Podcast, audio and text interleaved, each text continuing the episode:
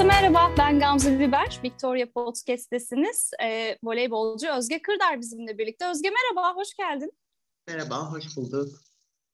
Nasılsın, iyi misin? Nasıl geçiyor günler? Umarım her şey yolundadır. Teşekkür ederim, her şey yolunda. Korona biraz daha iyi. Aşımızı olduk. O yüzden daha biraz daha rahatlık e, geçen yıla göre. Sen nasılsın? Ben de iyiyim, çok teşekkür ederim. Biz böyle biraz koronadan dolayı sürekli evden çalışmaya devam eden taraftaydık ama artık yavaş yavaş böyle işlerimiz açıldı. Gidip geliyoruz. O yüzden kendimi çok daha iyi hissediyorum, öyle söyleyebilirim. Şahane. İyi ki Victoria Podcast'tesin. Seni burada ağırlamak gerçekten çok keyifli olacak ve tabii ki merak ettiklerimi soracağım. Ama tecrübeli bir isim olduğun için öncelikle şöyle bir voleybolu konuşarak başlayalım istiyorum. Ve tabii ki geçtiğimiz birkaç ay öncesinde de e, biliyorsun ki Tokyo'daydık ve işte olimpiyatlar vardı. Öncelikle onları yorumlayarak başlamak isterim. Sen nasıl değerlendiriyorsun oradaki hem diğer branşları ve özellikle de voleybolu? Ben de olimpiyatlara katılmış bir sporcu olarak kızların ne hissettiğini bildiğim için orada bulunmak gerçekten çok ayrı bir his. Yani bütün diğer turnuvalardan, katıldığımız bütün diğer her turnuvadan çok farklı bir ortam. Çünkü dünyanın en iyileriyle birliktesiniz. Herkes aynı yemeği yiyip aynı odalarda kalıyor ve herkesin eşit olduğu bir yer. O yüzden Oranın atmosferi çok farklı. Biz ilk gittiğimizde biraz daha tecrübesizlikten oranın atmosferin tadını çıkartırken maçları biraz unutmuştuk ama kızlar bizden daha akıllı çıktı diyeyim. O, bir de onların tabii grubu daha kolaydı bizimkinden. O yüzden onlar Kore maçını saymazsak çok iyi gittiler olimpiyatlarda. Bir dahaki jenerasyon da gidecek olan o Kore maçını da kaybetmez diye ümit ediyorum. Yani gelecek olimpiyatlarda da ilk dört benim düşüncem voleybol için. Zaten 2003 yılından beri yükselen bir grafiği var voleybolun. Her sene biraz daha üstüne koyarak ilerledi. Şimdi yeni jenerasyonda bizim üstüne koyarak ilerliyor. O yüzden hem voleybol adına hem yeni yetenekler adına çok mutluyum aslında. Hı. Dışarıdan bir gözle bakmak nasıl hissettiriyor? Çünkü hani önceden de tabii bahsettiğin gibi sen de sonuçta olimpiyatlara gittin ve hani o atmosferi soludun. Ama şimdi böyle dışarıdan bakınca hiç izlerken ya keşke şöyle olsaydı, işte şunu şöyle yapsaydı dediğin anlar oluyor mu? Nasıl hissettirdi? Şöyle ben korona ile birlikte, korona başladığında ligler iptal etti ve ben voleybol kariyerimi sonlandırdım. O günden beri sanki hiç voleybol oynamamış gibiyim. Yani zaten o kadar boş vaktim yok ki, o kadar dolu geçiyor ki. O yüzden hani ne voleybolu özlüyorum ne o takım ortamında olmayı özlüyorum. Yani voleybola dair özlediğim hiçbir şey yok aslında. Çünkü zannediyorum ki dolu dolu yaşamışız her şeyi. Yani dibine kadar yaşadığımızı düşünüyorum. O yüzden de bir, benim özleyeceğim bir şey kalmadı. Ama ben daha çok olimpiyatları, ben bir de bütün branşları izliyorum. Sadece voleybol değil yani. Dört ekran falan izlenir bizim evde olimpiyatlar. Her zaman bir bireysel spor yapmak istemişimdir. Yani tenis olur, atletizm olur, yüzme olur ne bileyim böyle. Daha çok onlara daha çok ilgim var. Ama tabii kızların maçlarını e, özellikle takip ettim. Dışarıdan bakınca bence çok güzel bir ortam var. Ee, özellikle voleybol takımımızda. Giovanni'nin de getirdiği bir vizyon, takım ruhu. Yani herkesin ona ayak uydurması. Çünkü Giovanni'ye ayak uydurmak kolay değildir onun antrenmanlarına, maç disiplinine. O yüzden hani herkes uyumlu görünüyor. Onları izlemek de çok keyifli aslında. Ki Türkiye'deki bu giren popülarite artışını onunla bağlıyorum birazcık. O yüzden mutluyum onlar adına yani. Peki e, şimdi olimpiyatlar özelinde tabii ki voleybolu yorumladık ama bir de böyle genel bir Türkiye fotoğrafı çekelim isterim aslında voleybolda. Sen nasıl değerlendiriyorsun Türkiye'deki voleybolu ve özellikle aslında biraz da belki şundan da bahsedebiliriz. Yani daha önce senin de e, yurt dışı deneyimin oldu. Yani uluslararası birçok tabii ki maça çıktın ama bir de tabii Polonya işte tarafı da var. Hani orada da bir takımda oynadın. Biraz hani yurt dışı ile Türkiye'yi de kıyaslayacak olursak voleybol özelinde o zaman neler söylemek istersin? Şimdi ben iki yıl Polonya'da bir yılda Azerbaycan'da oynadım voleybol. Benim yurt dışında oynadığım zamanlarda Türkiye'de voleybol o kadar da popüler değildi yani. Sadece çok önemli maçlara seyirci gelirdi. Şimdi arada bakıyorum maçlara bayağı seyirci oluyor. Onu, o sevindirici yani çünkü bizim jenerasyonumuz, bizden bir alt jenerasyon da aynı başarıları yakalıyor ama aynı popülarite olmuyor. İşte bu, bu biraz da artık internetin, sosyal medyanın çok kullanılıyor oluşundan dolayı. Bizim ama ya ben voleybol başladığımda telefon yoktu. ee, o yüzden hani tabii bu e, aslında küçük kızlar için de ya da küçük erkekler için de çok avantajlı bir durum. Çünkü hani herkes çünkü bir çok iyi bir üniversiteye gidip mimar, öğretmen ya da doktor olamaz. O yüzden tabii ki birçok kişinin de sporcu olmak yani yetenekli insanların da buna kavuşması lazım. O yüzden e, bu popülaritenin e, spor için çok önemli olduğunu düşünüyorum. Yani olimpiyatlarda Mete'nin yaptığı, şimdi kaç kişinin okçuluğa başladığını aslında çok merak ediyorum. Ya da ilk defa yüzücülerimizin finallere kalması. Ee, işte yine tekvanda bireysel sporlarda, güreştir, halterdir hepsinde.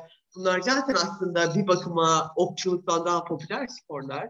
Voleybolda aynı şey aslında. Ne kadar başarıyı yakalarsanız o kadar da Türkiye'de duyuluyorsunuz. Özellikle şu dönemde yani internet bu kadar gelişmişken, herkesin elindeyken bu da aslında küçük çocuklara daha iyi gelecek sunabilir. Yani özellikle spora yetenekli olanlar. Her büyük ihtimalle 100 kişi başlıyorsa voleybola bunun sadece 5'i bizim level'ımızda oynayabilecektir. Ama o 5 bile dünyada bir seviye tutturmak için aslında önemli. Çünkü diğer ülkeler hiçbir zaman durmuyorlar jenerasyonlarında. Sürekli bir yeni jenerasyon geliyor. O yüzden biz de o akıma durmalıyız bir şekilde. Aslında o durumdan bahsettin ya yani bizim ülkemize genelde hep spor böyle bir meslek vardır ama işte onun yanında e, ilgilenilen bir branş olarak hep kalmıştır. Hiç böyle işte çok yani azınlıktayız aslında. Hele hele özellikle de küçük kız çocuklarını işte bu tarz böyle sporlara yönlendirmede tabii ki son zamanlarda birazcık daha ilgiliyiz aslında bahsettiğin gibi ama önceden pek o kadar da bir ilgi yoktu öyle söyleyelim. Biraz da belki kadın sporcu olmayı da bu alanda yorumlayabilirsin. Türkiye'de kadın sporcu olmak dersem ne söylersin hem voleybol özelinde hem de genel çerçevede? Şahsen ben kadın ve erkek olarak ayırmıyorum. Futbol branşları dışında konuşuyorum. Şimdi e, neden kadın futbol bu kadar popüler değil Türkiye'de? Çünkü o kadar yatırım almıyor. Eğer kadın futbolda o kadar yatırım alsaydı kadın futbolda erkek futbol kadar konuşulurdu. Bu bütün sporlar için geçerli. Türkiye'de ikinci spor basketbol derler ama ben buna inanmıyorum. Bence ikinci spor voleybol. Hem zaten başarı özelinde voleybol almış başını gitmiş durumda ama özellikle kadın sporcularda bu istikrar çok yüksek durumda. Çünkü biz daha bu bu aslında genel hayatımızda da böyledir. Kadınlar kendilerini daha çok verirler yaptıkları işlere. Kadınlar daha çok bir şeyi yüzde yüz yapmak isterler. Ve erkekler bazen bunu çalçaklayabilirler. Bu özel hayatımızda da aynıdır, genel hayatımızda da aynıdır, başka işlerde de aynıdır. Herkese tabii herkes katmıyorum içine istisnalar kaideyi bozmuş ama kadınlar yani bir iş verildiğinde bunu yüzde yüz yapmak isterler. Özellikle kadın voleybola yapılan yatırım işte 2003'ten beri yabancı antrenörlerin gelmesi, yabancı sporcuların gelmesi ve Türk kadın sporcuların özellikle voleybolcuların bu fırsatı çok iyi değerlendirdiklerini düşünüyorum. Yani biz 2011 yılında Vakıfbank'ta ilk Şampiyonlar Ligi şampiyonu olduk. O zaman Fenerbahçe 6-7 tane yabancı sporcu almıştı. Kağıt üstünde onlar favori görünüyorlardı. Bizim de sadece 3 tane yabancımız vardı. Diğer 4 kişi Türk. Ama işte e, Giovanni'nin gelişi, o yabancıların, Türklerin uyumu bir şekilde bu bizi çok hırslandırdı ve bir şampiyon olduk. Yani o Türk oyuncularla birlikte. Bu yüzden bunun çok önemli olduğunu düşünüyorum. Yani bu mihenk taşlarından biridir aslında 2011 yılı Türk ve voleybolu için. Hem Fenerbahçe'nin hem Vakıfbank'ın yaptığı altyapılarla. O yüzden kadın sporcuların hem kendilerini geliştirmeleri açısından hem voleybol açısından biraz daha sadece ileriye dönük düşünmeliyiz diye düşünüyorum. Yani çünkü sadece ben voleybolu bırakmış bir sporcu olarak da özellikle kadınlar nezdinde konuşuyorum. Ve voleybolu ömür boyu oynayamazsınız. Mutlaka kendi hobileriniz olmak zorunda, başka ilgi alanlarınız olmak zorunda. Yoksa birçok sporcu gibi voleybolu bıraktığınızda bunu çok özlersiniz. Çünkü aslında hayatımızda başka bir şey yapmıyoruz çünkü. Benim en büyük avantajım da o. Ben voleybol oyunu, ben üniversite görsel iletişim ve tasarım mezunuyum aynı zamanda kendi spor markamı kurdum. Onunla uğraşıyorum. Eşimle seyahat ediyoruz onun işi gereği. O yüzden voleybolu özleyecek zamanım olmuyor zaten. Ama bunu yapmazsak yani kendimiz işte 9 yaşından başlıyoruz spora. Ondan beri geliştirmezsek voleybol bittiğinde de aslında çok büyük bir boşluğa düşüyoruz. Aslında yapmak istemediğimiz bir iş belki. Çünkü ömür boyu bunu yapıyoruz. Ama mecburen o işe yönelmek zorunda kalıyoruz. O yüzden yani benim kadın sporculara bu fark etmez voleybol en önemli tavsiye edeceğim şey kendinizi başka alanlarda geliştirmeniz olur. Peki bir de şu açıdan da aslında yorumlamakta fayda var. Genelde böyle işte söylediğin gibi futbolda da özellikle işte hep erkek takımları daha fazla destekleniyor. Voleybol evet biraz daha o kısımda ayrışıyor tabii ki işte hem Türkiye'de hem de dünyadaki o başarılardan dolayı. Ama bir de tabii işin şöyle bir boyutu da var. Yani bu programda mesela birçok kadın sporcuyla röportaj yaptım. Her zaman söyledikleri biraz daha fazla desteğe ihtiyaç duyduklarıydı. Sen sen bu konuda ne düşünürsün? Bir de sanki biraz daha böyle kadın sporcuların daha fazla desteklenmeye ihtiyacı varmış gibi ve biraz da başarı geldikten sonra da hep böyle başka bir şeyle işte özel hayatlarıyla ya da e, çok farklı konularla irdeleniyormuş gibi geliyor bana. Sen ne düşünüyorsun bu konuda? Ya ben şu algıya inanmıyorum. Kadın sporcuların daha fazla desteğe ihtiyacı varmış algısına. Ben inanmıyorum. Yani bu her sporcunun desteğe ihtiyacı vardır. Bu erkek de olsa kadın da olsa aynı. Sonuçta bir de bizim daha az ihtiyacımız var çünkü biz takım sporu yapıyoruz. Bir de bunun bireysel sporcuları var. Yani tek başına sahada ya da ringde ya da neredelerse orada savaşanlar var. Onların bizden daha fazla desteğe ihtiyacı var. Şimdi biz bir şey isterken biraz da düşünmeliyiz. Biz ne kadar savaşıyoruz bunun için? Ya da biz bunun için ne yapıyoruz? İşte şimdi artık dünya şampiyonlarına gidiyoruz, Avrupa şampiyonlarına gidiyoruz. Bir Türk sporcu olarak orada İngilizce konuşmalısınız. Mesela siz desteğe ihtiyacınız var ama siz bunu kendinize sağladınız mı bir sporcu olarak? Benim mesela en önemli kriterlerimden biri budur sporcuda. Ee, yani bir tenisçi izliyorum mesela Rus. Bu yıllardır o arenada ama İngilizce konuşmuyor. Yani bu çok garip bir durum benim için. O yüzden mesela İngilizce geliştirmek. Bu bize size tabii ki Türkiye'de bu çok önemli görünmüyor olabilir ama bu şey, uluslararası da bir destek sağlayabilir aynı zamanda. Ya da daha çok saygı duyulmasını sağlayabilir. O yüzden benim için yani kadın sporcuyuz biz daha desteğe ihtiyacımız var değil. Biz işte 2011'den gelen bu başarılarla birlikte her televizyona çıktığımızda işte bize şey sorarlar. İşte niye hep futbol konuşuluyor, şey konuşuluyor ama daha 5 dakika önce, bizden önce futbola yer verilmiş oluyor o kanalda. Yani sizin bunu bana sormamanız lazım. Çünkü ben altın madalyaları alıyorum. Ben olimpiyatlara gidiyorum. Zaten ben yapıyorum yani. Ben kendimi televizyona, gazeteye çıkartamam ki. Ya siz basın mensupları, gazeteciler, televizyon e, vesaire. Bunu zaten siz sağlamak zorundasınız. Sporcular bunu yapıyorlar zaten işleri gereği. Yani biz size yalvaramayız ki bizi daha popüler yapın, destek olun diye. E, Türkiye'de işte zaten bu garip işleyen taraf bu. İşte herkes ya siz niye futboldan daha popüler desiniz? Bunun cevabını ben veremem ki işte ben zaten işimi yapıyorum. O yüzden yani bilmiyorum. Biraz daha fazla aslında özel hayatınızla e, özellikle son dönemde işte hep internetin çok daha fazla kullanılıyor olması, işte sosyal medyanın çok fazla kullanılıyor olması ve oyuncuların bu başarıların yanı sıra kendi özel hayatlarıyla da çok fazla ön planda olmasının da aslında bunda bir etkeni var. Yani şu da bir gerçek ki erkek sporcuların özel hayatı gerçekten kadın sporcuların özel hayatı kadar irdelenmiyor bu e, ülkede. Öyle de bir gerçek de var yani ki en son mesela e, işte olimpiyatlardan sonra da Ebrar e, olayında olduğu gibi.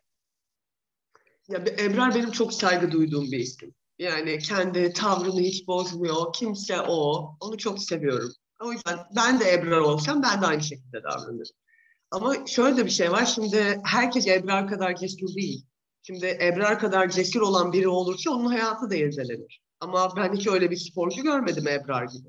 Ebrar'ın da böyle bir te- yani Türkiye'de ilk defa böyle bir sporcu geliyor ve bunun tepki alması da çok normal. Çünkü insanlar bunu daha önce görmedi. Herhangi bir futbolcudan, basketbolcudan, kadın erkek fark etmez böyle bir şey görünmedi. Ben ama Ebrar'ın bunu çok güzel kaldırdığını düşünüyorum. Hiç kendini bozmuyor. O yüzden onun için çok mutluyum. Çok da gurur duyuyorum her hareketiyle. Ama şöyle bir şey var. Ben yine burada kadın erkek ayrımı yapamam. Çünkü her sporcu bir şekilde kendi özel hayatına dikkat etmek zorunda. Şimdi bu sosyal medya bu kadar ünlendiği için herkes kendi hayatını paylaşmak istiyor, fotoğraflarını koymak istiyor. Hepsine okeyim. Ama biz sporcular olarak, bu kadın erkek yine fark etmez söylüyorum. Bir, belli bir kesim sizi takip ediyor. Özellikle çocuklardan başlayan yani bir genç jenerasyonu takip ediyor. O yüzden belki biraz daha dikkat edebiliriz. Yani sonuçta her şeyi sosyal medyaya koymak zorunda değiliz de. Yani onu da zaten artık yeni şeyler de çıkmış. Yakın arkadaşlara falan gör. Ya illa paylaşmak istiyorsan bir şeyi öyle de paylaşabiliriz. Yani tahmin ediyorum siz daha çok kadın üzerinden gitmek istiyorsunuz ama benim için kadın erkek fark etmiyor. Çünkü ben hiçbir zaman kendimi de farklı görmedim erkeklerden.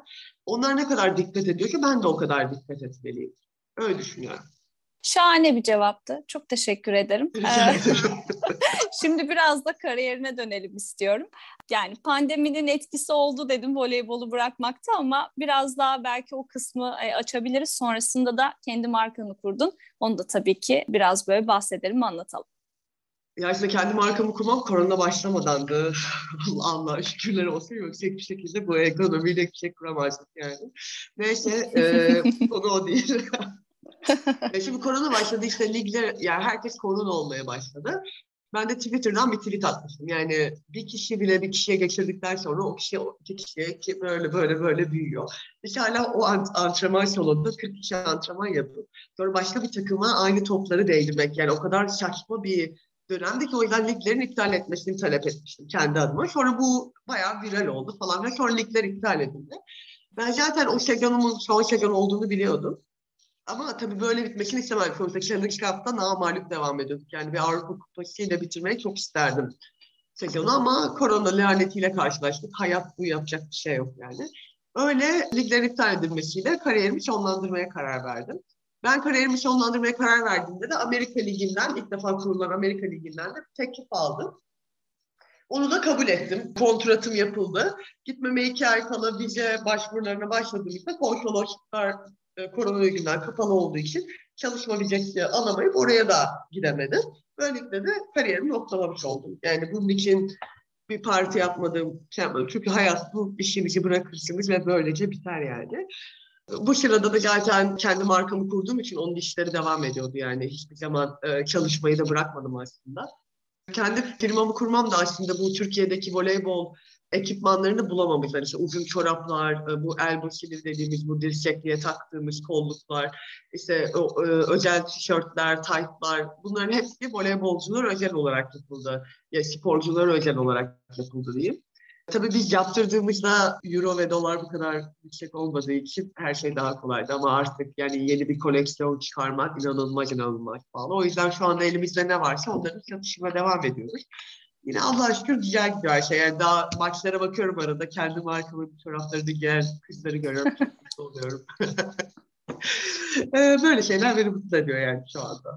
Herhalde en büyük gurur da bu olur değil mi? Yani bir marka kuruyorsun ve sonra maçlara bir bakıyorsun senin markan orada genç sporcularda. Şahane evet, güzel, bir durum. Umarım güzel, her şey gönlünce olur. Umarım hep, hepimiz için inşallah. Çok teşekkür ederim Victoria'ya katıldığın için. Renk ben kattın. Çok ederim. güzel bir söyleşiydi. Bundan sonraki süreçte de mutlaka görüşmek dileğiyle. Çok sağ ol. Kendinize iyi bakın. Sen de kendine iyi bak. Evet efendim Victoria Podcast'te bu hafta voleybolcu Özge Kırdar bizimle birlikteydi. Haftaya yine aynı günde ve saatte yeniden birlikte olmak dileğiyle. Hoşçakalın.